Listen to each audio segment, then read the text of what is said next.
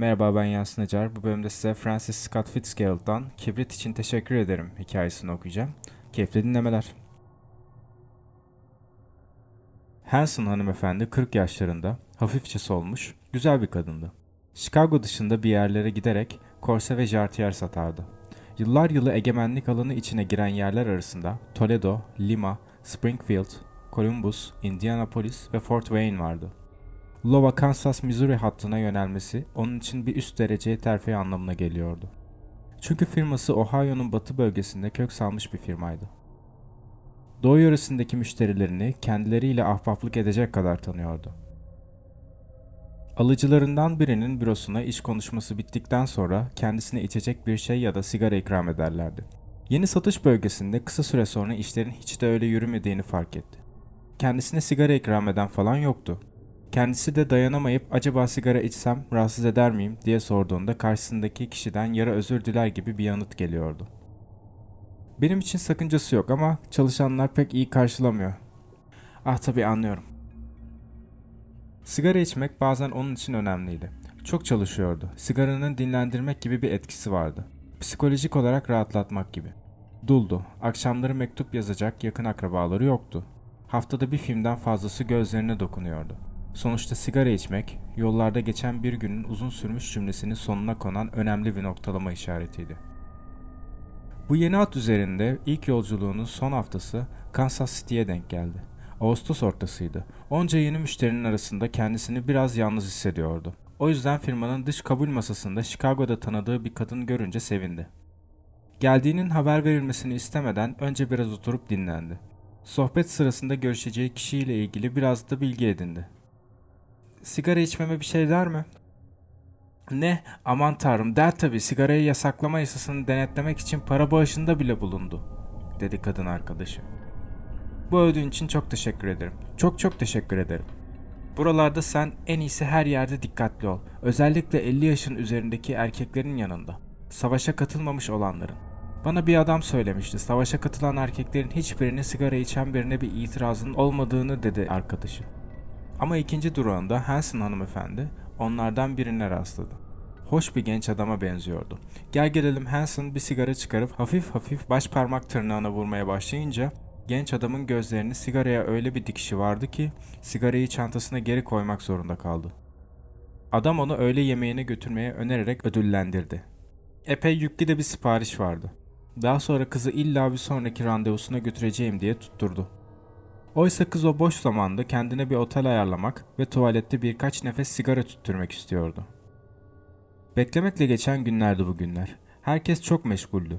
Geç kalıyordu. Sonunda boy gösteren müşteriler de ya başka insanların kendi isteklerine, düşkünlüklerinden hoşlanmayan ince ve sert suratlı erkeklerle oluyordu ya da isteyerek veya istemeyerek bu erkeklerin düşüncelerine kendilerini adamış kadınlar. Kahvaltıdan bu yana sigara içmediğini hatırladı. İş açısından çok verimli geçmiş bile olsa tüm ziyaretlerinden sonra hissettiği belli belirsiz mutluluğun nedeninin bu olduğunu fark etti birden. Genelde şöyle konuşurdu. Bize kalırsa biz farklı bir alanda çalışıyoruz. Tamamıyla lastik ve beze dayanıyor tabii. Ama bunları farklı bir şekilde bir araya getirmeye başarıyoruz. Ulusal reklamlarda yılda %30'luk bir artış her şeyi açıklıyor. Kendi kendine ise şöyle düşünüyordu. Sigaradan 3 nefes çekebilsem eski moda balina kemiği bile satabilirim. Ziyaret etmesi gereken bir tek dükkan kalmıştı. Ancak randevusuna yarım saat kalmıştı. Tam da oteline gidecek zamandı ama ortalıkta taksi göremediği için sokakta yürüyor ve düşünüyordu. Belki de sigara içmeyi bırakmalıyım. Bir ilaç bağımlısı olmak üzereyim. Tam sırasında bir Katolik katedrali bulunuyordu. Çok yüksekti. Aklına birden bir şey geldi. Kilisenin sivri kulelerinden Tanrı'ya onca tütsü dumanı gönderildiğine göre giriş holünden biraz duman daha gönderilse fark etmezdi. Giriş holünde birkaç nefes sigara tüttüren yorgun bir kadına Yüce Tanrı ne diyebilir ki? Yine de Katolik olmamasına karşın bu düşünceden hoşlanmadı. Sigara içmesi bu kadar önemli miydi? Bunca insana etici gelirken. Evet ama Tanrı aldırmaz. Diye düşündü yine de. Onun zamanında sigara henüz keşfedilmemişti bile. Kiliseye yöneldi. Giriş holü karanlıktı. Yanında taşıdığı çantasında kibrit aradı ama bulamadı. İçeri gireyim de içerideki mumlardan birini de yakayım diye düşündü. Kilisenin orta sahının karanlığını bir köşede kıvılcım saçan bir ışık bozuyordu. Kız oturulacak yerler arasında koridordan o beyaz bulanıklığa doğru yürüdü. O ışığın mum ışığı olmadığını gördü.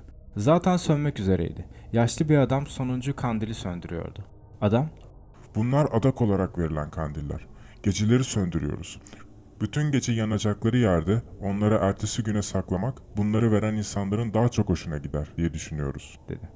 Anlıyorum. Adam sonuncuyu da söndürdü. Artık katedralde hiç ışık kalmamıştı. En tepedeki elektrik şamdanla kutsal ekmek ve kutsal şarabın önünde hiç söndürülmeden yanan lamba dışında, İyi geceler. dedi Zangoç. İyi geceler. Siz herhalde buraya dua etmek için geldiniz. Evet. Adam kilise eşyalarının saklandığı odaya girdi. Hanson hanımefendi diz çöktü ve dua etti. Çoktandır dua etmemişti. Kim için ve ne için dua edeceğini pek bilmezdi. Bu yüzden işvereni için dua etti. Des Moines'teki Kansas City'deki müşterileri için dua etti. Dua etmeyi bitirince dizlerinin üzerine doğruldu. İki metre kadar yukarıdaki bir duvar oyuğuna kutsal Meryem imgesi kendisine bakıyordu. Dalgın dalgın kendisi de ona baktı. Daha sonra dizlerinin üzerinden yukarı doğruldu. Yorgunluktan kilise sırasının bir köşesine yığıldı kaldı. Mucize adlı oyundaki gibi Bakire Meryem'in aşağıya indiğini düşledi. Kendisinin yerine geçip yine kendisinin yerine korse ve jartiyer sattığını, kendisi gibi yorulduğunu, daha sonra Hanson hanımefendi birkaç dakika uyuklamış olsa gerekti. Farklı bir şey olmuş duygusuyla uyandı. Havada tütsü kokusuna benzemeyen tanıdık bir koku vardı.